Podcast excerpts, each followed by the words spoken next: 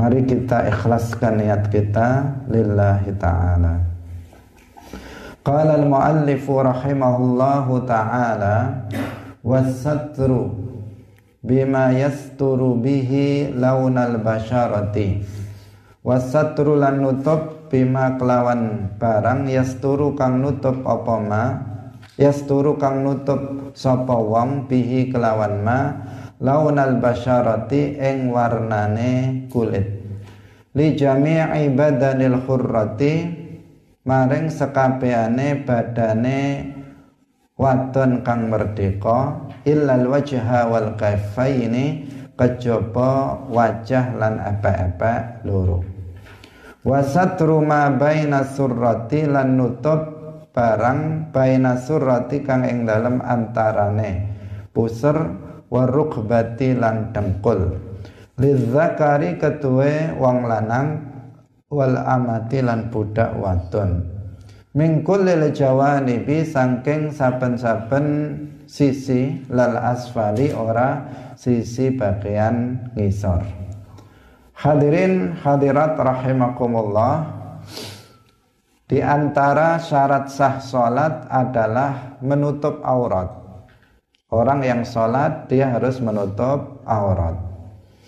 Seseorang yang sholat dalam keadaan terbuka auratnya, baik itu banyak ataupun sedikit, maka itu akan batal atau tidak sah sholatnya.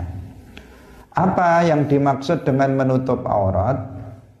Menutup aurat artinya menutup warna kulit dan rambut.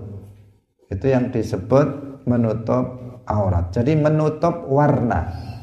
Menutup warna dari aurat itu. Jika laki-laki maka di antara pusar dan lutut warna warna kulitnya tidak terlihat. Jika perempuan maka seluruh badannya kecuali muka dan kedua telapak tangan itu warna kulit dan rambutnya tidak terlihat. Itu berarti dianggap sudah menutup aurat. Nah, tetapi apabila seseorang itu menutupnya dengan pakaian yang tipis sehingga tembus pandang kulit yang berada di balik pakaian itu masih terlihat warnanya. Rambut yang berada di balik kerudungnya itu masih terlihat warna rambutnya. Maka ini tidak atau belum disebut menutup aurat. Meskipun secara lahiriah dia sudah memakai pakaian. Sudah memakai mukena secara lahiriah. Yang terlihat kayaknya dia sudah memakai mukena. Dia sudah memakai kerudung. Tetapi jika warna kulitnya atau warna rambutnya itu masih terlihat, maka itu belum disebut menutup aurat. Nah, misalnya kulitnya putih, masih terlihat putihnya dari balik pakaiannya, maka itu berarti belum menutup aurat. Kulitnya berwarna hitam, masih terlihat dari luar pakaiannya bahwa kulitnya itu hitam. Orang bisa melihat, oh dia hitam kulitnya. Berarti apa? Berarti dia belum menutup aurat. Karena baru disebut menutup aurat apabila seseorang telah menutup warna daripada kulit atau rambut. Nah, ini ketentuan pertama yang harus dipahami. Jadi kalau seseorang itu menutup uh, menutupnya dengan uh, pakaian yang tipis sehingga masih apa namanya? masih tembus pandang maka itu tidak tidak sah jika digunakan untuk sholat dan belum dianggap telah menutup aurat. Untuk itu maka khususnya kaum perempuan harus lebih berhati-hati. Kalau laki-laki sarung yang tembus pandang jarang ada.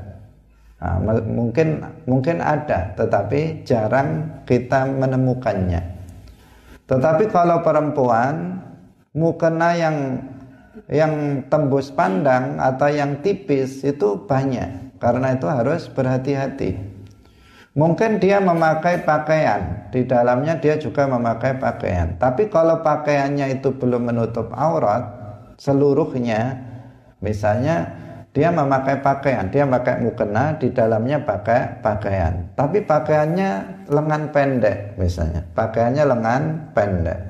Sehingga ketika dia memakai mukena yang tipis itu, warna warna kulit tangannya ini masih terlihat Nah ini berarti belum sempurna menutup auratnya. Nah, maka hendaknya jangan seseorang itu hanya fokus dalam membeli mukena misalnya, fokus hanya modelnya saja. Fokus pada apa namanya coraknya saja.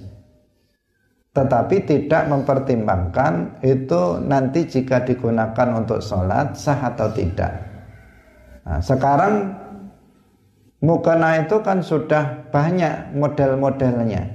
Lah, kalau seseorang itu hanya memburu model tetapi dia tidak memperhatikan ketebalannya, apakah bisa menutup aurat atau tidak, ini nanti akan berbahaya.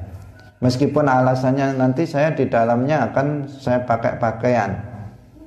Nah, ini sulit. Nah, sulitnya bagaimana? Sulitnya ya kalau dia bisa menutup Artinya apa? Kalau kalau uh, dia memakai pakaian dengan mukena tipis, pakaian dalamnya itu yang di dalam itu harus juga sudah menutup aurat. Harus misalnya kalau harus lengan panjang, kemudian semuanya harus menutup aurat di dalam. Mukena hanya sebagai hiasan saja. Nah, seperti itu. Nah, karena itu uh, kalau yang lebih berhati-hati ya cari mukena yang tebal meskipun terlihat jelek mungkin tetapi apa namanya cari yang tebal tebal dengan pengertian telah bisa menutup warna kulit. Jangan yang tipis yang bis, yang tidak bisa menutup warna kulit. Nah, karena ketentuan yang pertama dari menutup aurat itu harus menutup warna kulit dan rambut. Jika tidak demikian, maka belum disebut menutup aurat. Ini. Hadirin rahimakumullah. Kemudian yang kedua, ketentuan yang kedua tentang batasan aurat. Batasan aurat bagi seorang perempuan adalah seluruh badannya, kecuali muka dan kedua telapak tangan. Jadi perempuan auratnya itu seluruh badannya dari ujung rambut sampai ujung kaki selain muka dan kedua telapak tangan. Muka itu ya yang batasannya yang dibasuh ketika berwudu, yang wajib dibasuh ketika berwudu, mulai dari tempat tumbuhnya rambut menurut ukuran normal sampai ke dagu dari anak telinga kanan ke anak telinga kiri. Semua yang ada di sini itu namanya muka, itu namanya wajah. Itu bukan aurat bagi perempuan. Kemudian kedua telapak tangan, berarti sampai pergelangan tangan ini baik yang dalam maupun yang luar, ini bukan aurat bagi perempuan. Selain itu, selain wajah dan kedua telapak tangan, itu bagi perempuan adalah aurat. Baik di dalam sholat maupun di luar sholat menurut kaul yang rojih. Nah, meskipun ada dalam sebagian kitab yang kita baca karya para ulama yang menerangkan bahwa aurat perempuan itu lebih ketat lagi di dalam sholat maupun di luar sholat itu seluruh badannya tanpa terkecuali Eh, bukan begitu. Di luar sholat itu seluruh badannya tanpa terkecuali. Dikatakan di sana di, dibedakan. Kalau di dalam sholat maka seluruh badannya kecuali muka dan kedua telapak tangan. Kalau di luar sholat maka seluruh badannya tanpa terkecuali.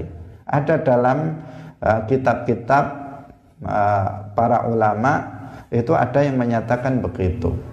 Tetapi yang rojih, yang unggul itu adalah pendapat yang sama, yang menyamakan antara aurat di dalam sholat dan di luar sholat.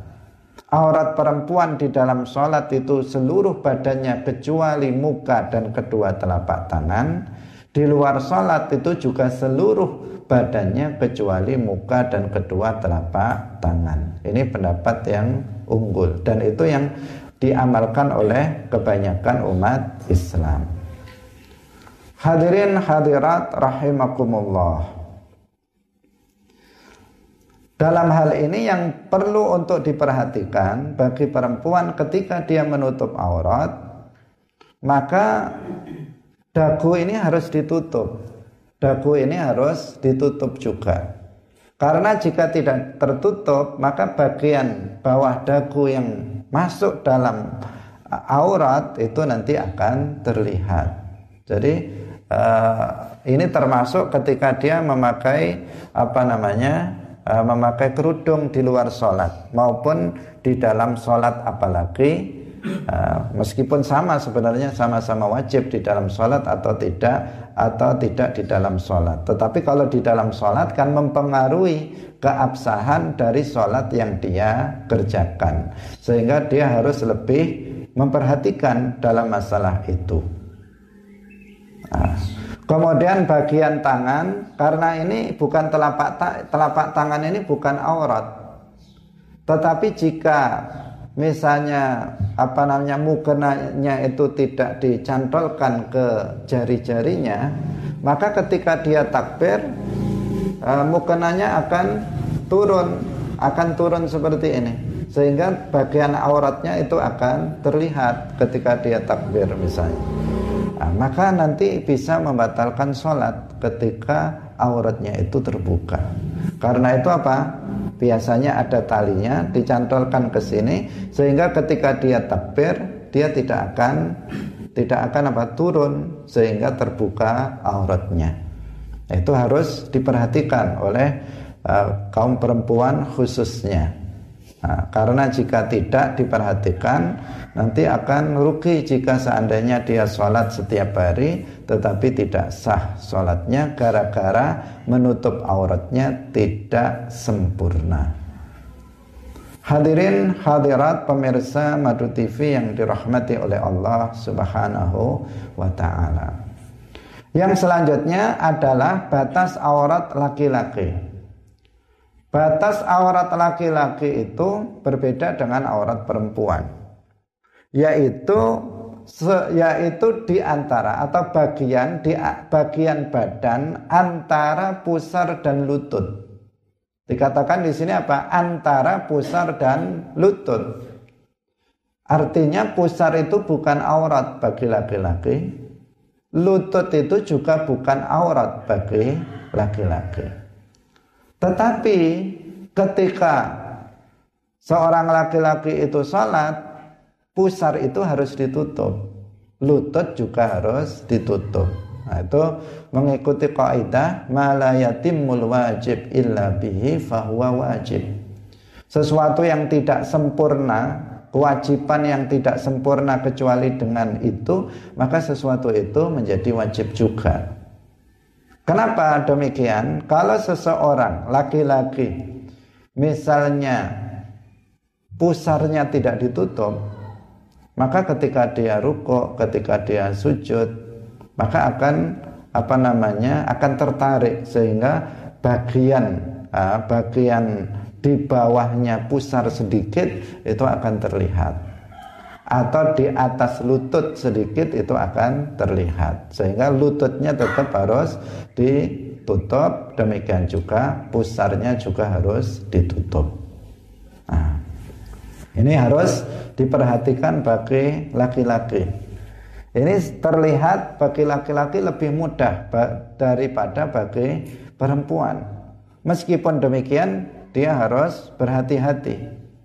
Karena banyak kita saksikan terutama laki-laki yang sholat dengan memakai celana panjang. Laki-laki yang sholat dengan memakai celana panjang.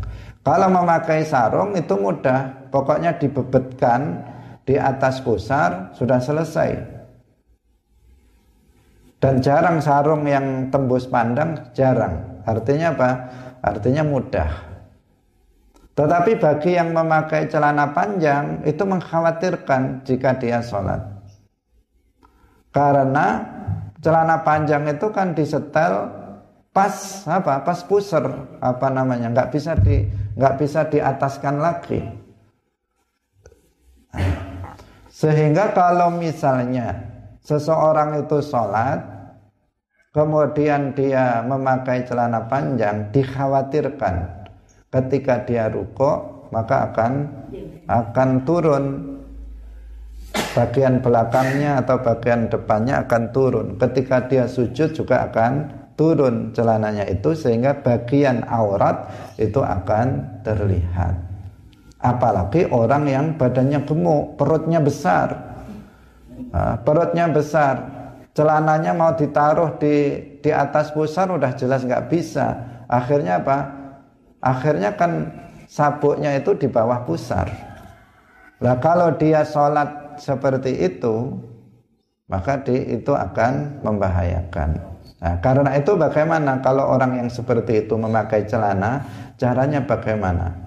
Caranya dia harus memasukkan bajunya. Jadi kalau dia memakai kaos dalam misalnya, maka kaosnya itu dimasukkan ke dalam apa? Ke dalam celana. Jangan di tidak dimasukkan. Kalau nggak pakai kaos dalam, ya bajunya dimasukkan ke dalam celana. Itu lebih aman. Itu akan lebih aman. Karena dia bergerak mau ruko, mau ektidal, mau sujud. Meskipun tertarik-tarik, tetapi baju itu masih di dalam sehingga tidak akan terlihat auratnya, tidak akan terbuka. Nah, meskipun seseorang pakai baju, pakai baju, tetapi kalau itu tidak dimasukkan, maka auratnya masih rawan akan terlihat dari samping, dari samping aurat. Nah, karena itu ini harus diperhatikan oleh oleh kaum laki-laki. Jadi menutup aurat bagi laki-laki lebih mudah bagi, daripada bagi perempuan. Tetapi kita juga menyaksikan banyak laki-laki yang ketika sholat menutup auratnya nggak sempurna. Karena dalam perjalanan atau bagaimana dia sholat pakai celana, kemudian apa? Kemudian dia tidak memperhatikan bagaimana menutup aurat itu, sehingga auratnya terlihat ketika uh, ketika dia sholat. Nah, terlihat di sini nggak harus ada orang yang melihat. Nah, jangan sampai disalah pahami. Terlihat oh sepi kok, nggak ada yang melihat. Meskipun terbuka, tetapi nggak ada yang melihat. Berarti berarti nggak masalah. Bukan begitu. Nah, terlihat di sini artinya apa? Terbuka. Aurat itu terbuka meskipun nggak ada orang yang lihat, dia sholat di kamar sendirian, telanjang, boleh apa enggak? Tidak boleh. Meskipun enggak ada orang lihat. Jadi di sini adalah menutup aurat. Kalau auratnya itu terbuka, baik dilihat oleh orang atau tidak dilihat oleh orang, maka itu tidak sah sholatnya. Jika apa tadi terbuka auratnya tersebut. Nah. Bisa dipahami ya. Nah, hadirin hadirat pemirsa yang dirahmati oleh Allah Subhanahu wa taala. Demikian juga bagi budak perempuan itu auratnya sama dengan laki-laki. Dia perempuan tetapi dia budak, maka auratnya sama dengan laki-laki yaitu di antara pusar dan lutut. Tetapi budak ini hari ini sudah uh, sudah nggak nggak kita temukan khususnya di Indonesia apalagi nggak ada budak baik budak laki-laki maupun budak perempuan. Karena perbudakan itu sudah sekarang sudah nggak ada lagi. Nah, tetapi bukan berarti dihapus hukumnya di dalam Islam. Nah, tetapi mekanisme untuk uh, terjadinya perbudakan hari ini tidak memungkinkan karena perbudakan itu dimungkinkan terjadi ketika ada peperangan. ketika ada peperangan. Ketika tidak ada peperangan, maka tidak dimungkinkan adanya sebuah apa namanya uh, perbudakan. Hadirin hadirat yang dirahmati oleh Allah Subhanahu wa taala. Kemudian muallif mengatakan mingkul lil jawanib lal asfal. Menutup aurat itu harus dari semua sisi tidak dari sisi bawah, dari semua arah, dari atas, dari depan, dari belakang, dari kanan, dari kiri, semuanya harus menutup, harus tertutup auratnya. Harus tertutup dari depan nggak terlihat auratnya. Dari belakang tidak terlihat, dari kanan, dari kiri tidak terbuka. Nah, tidak terlihat artinya apa? Tidak terbuka auratnya.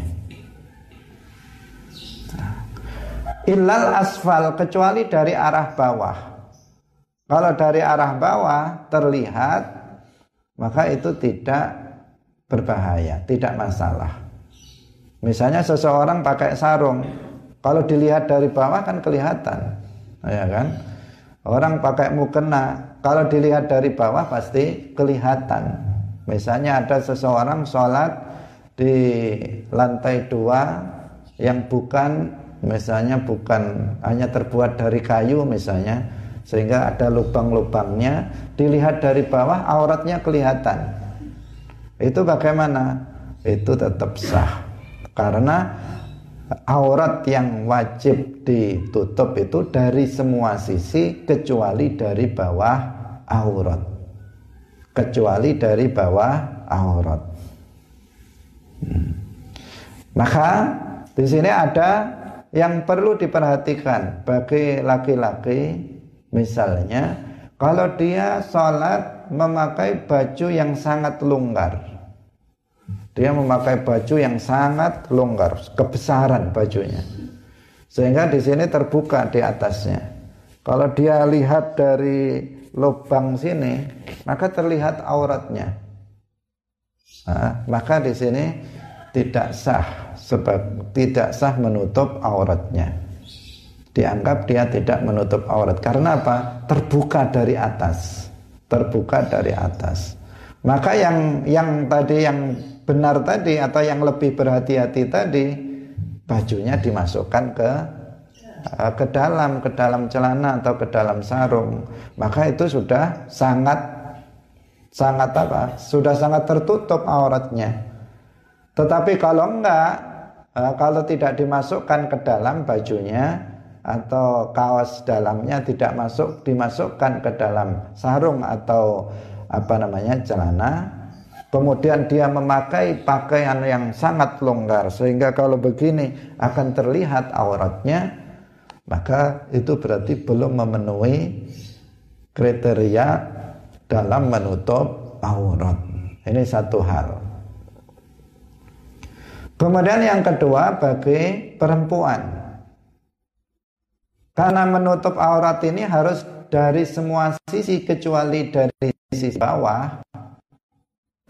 Maka hendaknya dihindari memakai mukena potongan.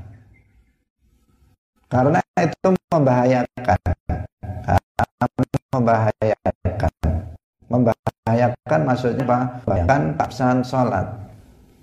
Yaitu mukena yang potongan atas, bagian atas dan bagian bawah. Itu hendaknya dihindari tidak dipakai. Kalau beli nggak usah mukena yang model seperti itu kenapa karena itu akan bisa memungkinkan terbukanya aurat dari samping. Ketika misalnya mukenanya terpotong sampai sini, misalnya, kemudian dia ketika ruko, maka akan terlihat bagian misalnya di dalamnya dia pakai apa namanya baju pendek misalnya. Maka ketika dia ruko akan terlihat akan terbuka auratnya itu dari samping. Nah, meskipun dari samping di sini nggak terlihat tapi tetapi ketika dia ruko kan dia terbuka sehingga akan terlihat auratnya. Nah, karena itu hendaknya itu dihindari. Nah, lebih baik menggunakan untuk berhati-hati karena dalam masalah ibadah yang paling selamat itu adalah yang berhati-hati. Al ahwatu fiddin aslamu. Yang lebih berhati-hati dalam agama itu yang lebih selamat. Nah, maka kita pakai yang yang berhati-hati itu. Meskipun sekarang trennya itu mukenanya mukena potong. Apalagi di sebagian daerah misalnya di luar Jawa itu sulit menemukan mukena yang nggak potongan. Yang lebih banyak justru mukena yang potongan. Kalau di Jawa masih banyak yang tidak potongan. Tetapi di luar Jawa banyak yang mukena itu yang mukena potong. Karena dianggap mukena potong itu lebih praktis, bisa dibawa ke mana-mana lebih mudah. Nah, tetapi di sisi lain mukena seperti itu membahayakan. Artinya tidak memastikan bahwa pasti nggak sah enggak.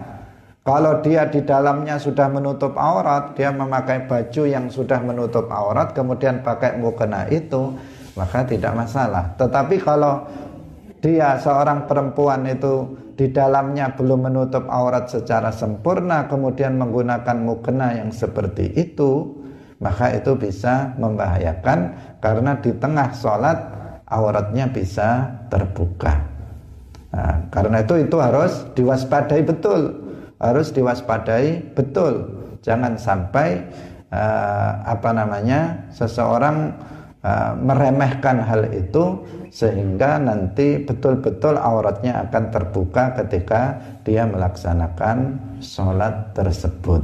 Hmm. Karena umumnya kaum perempuan ketika dia memakai mukena, maka yang diandalkan untuk bisa menutup aurat itu mukenanya. Bagian dalamnya jarang kalau memakai mukena kemudian di dalamnya sudah menutup aurat. Karena mukena itu untuk menutup aurat. Dalam pandangan umumnya perempuan kan seperti itu. Sementara pakaian dalam ya pokoknya ada gitu saja. Tidak kemudian uh, menutup aurat. Nah. Hadirin yang dirahmati oleh Allah Subhanahu wa taala.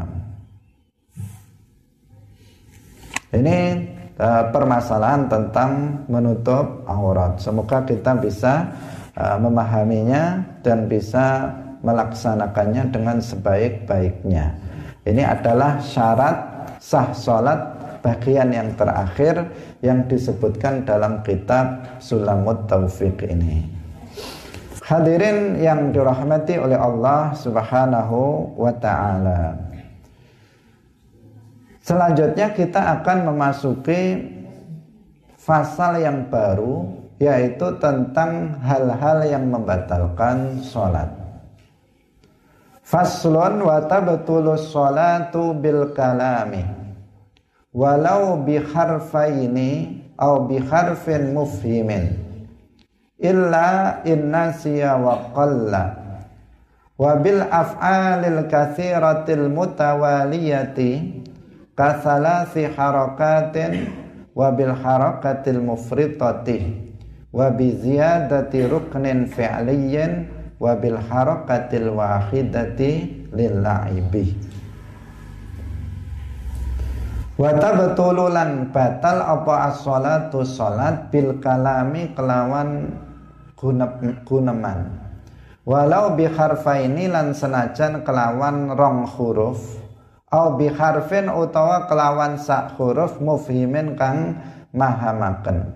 Illa innasiya kejaba lamun lali sapa wong wa qallalan sedidik apa kalam. Hadirin rahimakumullah pemirsa Madu TV yang berbahagia di antara hal yang membatalkan sholat adalah berbicara berbicara yang membatalkan sholat itu berbicara yang seperti apa? Ketentuannya yang pertama berbicara dengan perkataan yang ditujukan kepada manusia, bukan zikir. Kalau zikir tidak membatalkan sholat. Meskipun zikir yang dibaca itu bukan bacaan-bacaan yang biasa dibaca dalam sholat. Tetapi dia berzikir dalam sholat dia mengatakan Allah, Allah, misalnya Allahu Akbar. Maka itu tidak membatalkan sholat. Nah, yang membatalkan itu apabila perkataan itu adalah perkataan yang ditujukan pada manusia. Perkataan manusia seperti misalnya saya mau makan, misalnya saya uh, capek, misalnya kayak gitu itu kan perkataan perkataan manusia yang bukan zikir. Itu yang bisa membatalkan sholat. Nah, sementara yang zikir itu tidak membatalkan sholat. Nah, ini yang pertama. Yang kedua, perkataan yang membatalkan sholat itu apabila dilakukan dengan sengaja. Apabila seseorang itu lupa dan perkataannya itu sedikit, maka itu tidak membatalkan sholat. Lupa dan perkataannya itu sedikit, maka itu tidak membatalkan sholat. Kalau dalam keadaan tidak lupa, meskipun hanya satu huruf, tetapi memahamkan, maka itu sudah membatalkan sholat. Atau dua huruf tidak memahamkan, juga membatalkan sholat. Nah, dua huruf yang tidak tidak mem tidak memahamkan misalnya apa? Misalnya dia mengatakan i u A. Nah, ini kan bukan satu huruf ini, dua huruf atau lebih. Karena u itu berarti ada hamzah sama wawu. U. I berarti ada hamzah sama iya. Nah. A berarti ada hamzah sama alif. Nah, itu dua huruf. Meskipun nggak memahamkan, itu membatalkan sholat apabila dilakukan dengan sengaja nggak lupa. Dia nggak lupa bahwa dia sedang sholat. Dia kemudian mengatakan itu. Atau satu huruf saja tetapi apa? Tetapi tidak eh, tetapi memahamkan. Ada memiliki makna. Misalnya seseorang mengatakan ki. Dia mengatakan apa? Ki itu saja. Itu dalam bahasa Arab ki itu artinya jagalah Nah, artinya apa? Jagalah. Itu kan sudah memiliki makna. Atau seseorang mengatakan ai. Itu dari kata wa'ayai. Kalau ki tadi dari kata waqayaqi itu apa namanya? fi'il amarnya ki. Wa'ayai fi'il amarnya ai. Nah, berarti dia sudah memiliki makna, memahamkan. Nah, di sini kalau seseorang mengucapkannya di dalam sholat, qi atau ai, maka batal sholatnya. Karena dia meskipun hanya satu huruf, tetapi mufhim, tetapi memberikan pemahaman. Dia memiliki arti, memiliki makna. Atau dua huruf, meskipun nggak memiliki makna, tidak memahamkan, itu juga membatalkan uh, membatalkan sholat. Seperti a i u itu membatalkan sholat. Meskipun apa? Tidak memahamkan. Meskipun tidak memahamkan. Berarti kalau satu satu huruf tidak memahamkan eh, satu huruf tidak memahamkan itu tidak membatalkan sholat yang yang membatalkan apa? Satu huruf memiliki makna, memahamkan atau satu huruf lebih meskipun tidak memahamkan itu sudah membatalkan sholat. Ini ketentuan eh, ketentuannya. Kalau seseorang itu tidak sengaja, dia lupa kalau sedang sholat, dikira sedang jagongan di warung. Nah, karena saking nggak khusuknya kalau sholat, Saking ngelamunnya ke mana-mana. Dia sholat itu nggak ingat kalau dia sedang sholat. Dikira sedang jagongan. Kemudian ngomong sendiri. Dalam sholat itu ngomong sendiri. Itu bagaimana? Jika perkataannya itu sedikit, maka tidak batal. Karena lupa. Tetapi jika perkataannya itu banyak, maka itu membatalkan uh, membatalkan apa? Membatalkan sholat. Nah, batasan sedikitnya itu berapa? Yaitu enam kalimat. Enam kalimat. Bukan enam kata, enam kalimat. Misalnya, pergilah kamu ke pasar satu kalimat belikan aku uh, belikan aku pakaian. Nah, itu itu dia ngomong seperti itu. Itu dua kalimat mas Yan. Nah, minimal enam kalimat. Kalau lebih dari enam kalimat maka batal sholatnya. Ini jika dalam keadaan lupa. Jika tidak dalam keadaan lupa satu huruf pun kalau memahamkan itu batal. Dua huruf meskipun nggak memahamkan maka batal juga. Nah, kasusnya jika lupa bahwa dia sholat, lupa bahwa dia sedang sholat. Kemudian dia berbicara selama perkataan itu tidak lebih dari enam kalimat, maka tidak batal sholatnya. Tetapi jika lebih dari enam kalimat, maka batal sholat dia uh, sholat dia uh, hadirin yang dirahmati oleh Allah subhanahu wa ta'ala. Nah sedangkan zikir uh, zikir itu tidak membatalkan sholat. Misalnya seseorang sedang sujud kemudian dia zikirnya lama. Bukan hanya bukan hanya bacaan sujud saja tiga kali dia baca dia baca sampai 100 kali waktu sujud misalnya. Atau dengan zikir yang lain zikrullah maka itu tidak membatalkan sholat karena zikrullah nah, yang membatalkan sholat adalah kalamun nas nah, perkataan yang uh, perkataan manusia maksudnya adalah bukan zikrullah Hadirin yang dirahmati oleh Allah Subhanahu wa taala. Kemudian wabil af'alil katsiratil mutawaliyah. Salat itu juga batal atau di antara yang membatalkan salat adalah per perbuatan yang banyak yang berturut-turut. Kalau dalam matan ini seperti tiga gerakan berturut-turut. Jadi bergerak yang banyak melakukan perbuatan yang banyak. Atau ini ketentuan yang pertama ya. Artinya di sini secara umum seseorang melakukan sebuah perbuatan itu hukumnya bisa membatalkan sholat. Tapi ada ketentuan-ketentuannya yang membatalkan sholat. Yang pertama adalah bergeraknya itu banyak. Nah bergerak yang banyak ini di sini ada khilaf di antara para ulama pendapat yang masyhur yang umum itu mengatakan gerakan atau perbuatan banyak itu adalah seperti tiga gerakan berturut-turut. Jadi kalau ada seseorang bergerak tiga kali berturut-turut, bukan bergerak satu kemudian diam, nanti gerak lagi, kemudian nanti gerak lagi, itu enggak, itu tidak membatalkan sholat.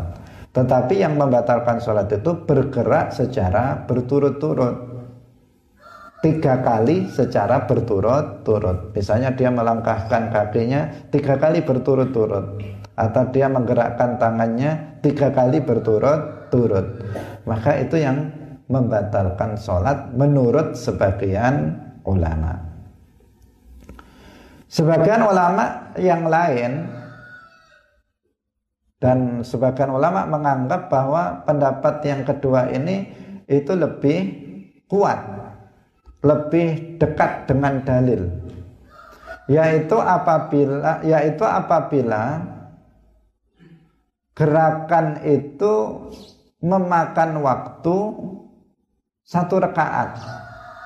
Jadi tidak harus bergerak satu rekaat enggak. Tetapi dia bergerak, bergeraknya itu sering sekali Sehingga kalau dikalkulasikan waktu dia bergerak itu itu memakan waktu satu rakaat. Maka ini disebut eh, maka di sini baru membatalkan sholat. Jadi ini berarti lebih longgar. Pendapat yang kedua ini lebih longgar. Kalau seseorang misalnya bergerak tiga kali berturut-turut, asalkan tidak sampai memakan waktu satu rekaat, maka itu tidak batal sholatnya. Satu rekaat itu berapa? Misalnya satu menit, misalnya setiap orang beda-beda, setiap orang beda-beda. Kalau dia sholatnya misalnya 5 menit, 5 nah, menit dibagi 4 rakaat, nah, satu sekian menit setiap rakaatnya misalnya. Kalau dia bergeraknya itu satu menit lebih sekian itu berarti dia berarti batal sholatnya. Dianggap dia telah melakukan gerakan yang banyak perbuatan yang banyak menurut sebagian ulama.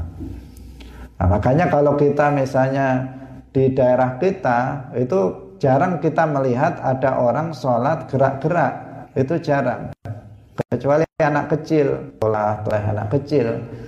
Nah, atau orang dewasa tetapi yang bodoh mungkin itu apa? Dilakukan. Tetapi pada umumnya tidak. Ketika kita sudah sholat maka ya sudah anteng. Tetapi kalau kita misalnya ke negara lain, misalnya di Timur Tengah, kita melihat sebagian di sana kalau sholat bergerak terus, sering sekali bergerak. Nah itu bagaimana? Kemungkinan mereka menggunakan pendapat yang kedua ini bahwa yang gerakan banyak yang membatalkan sholat itu bukan gerakan tiga kali berturut-turut tetapi gerakan yang memakan waktu satu rakaat. Dan para ulama, sebagian ulama mengatakan pendapat ini yang lebih kuat karena lebih dekat dengan dalil. Pernah suatu ketika Rasulullah Shallallahu Alaihi Wasallam itu beliau sedang sholat, tiba-tiba ada yang mengetuk pintu dari luar. Nah, karena pintunya itu di arah kiblat, Nah, sehingga Rasulullah kemudian berjalan. Rasulullah berjalan menuju pintu, kemudian balik lagi, tetapi tidak membelakangi kiblat. Nah, kemudian balik lagi melanjutkan sholatnya. Nah, ini kan secara zahir gerakan yang dilakukan oleh beliau ini lebih dari tiga kali gerakan. Sehingga sebagian ulama berpendapat seperti itu bahwa gerakan yang membatalkan sholat itu adalah bukan gerakan tiga kali berturut-turut, tetapi gerakan yang uh, mencapai memakan waktu apa satu rakaat. Nah, hadirin hadirat rahimakumullah. Nah, yang masyhur itu tiga kali gerakan, termasuk yang ada dalam kitab ini Sulamut Taufik itu disebutkan kasalasi harokat. Nah, tetapi sebagian ulama uh, mengatakan yang lebih kuat justru yang kedua itu yaitu yang uh, gerakan yang memakan waktu satu rakaat. Kemudian ketentuan yang kedua wabil harokatil mufritoh bergerak satu kali tetapi berlebihan. Bergeraknya memang satu kali saja, tetapi loncat. Dia loncat ya. Loncat ini kan kalau ada orang loncat kan kayak bukan orang sholat. Itu artinya apa? Berlebihan, melakukan gerakan yang berlebihan.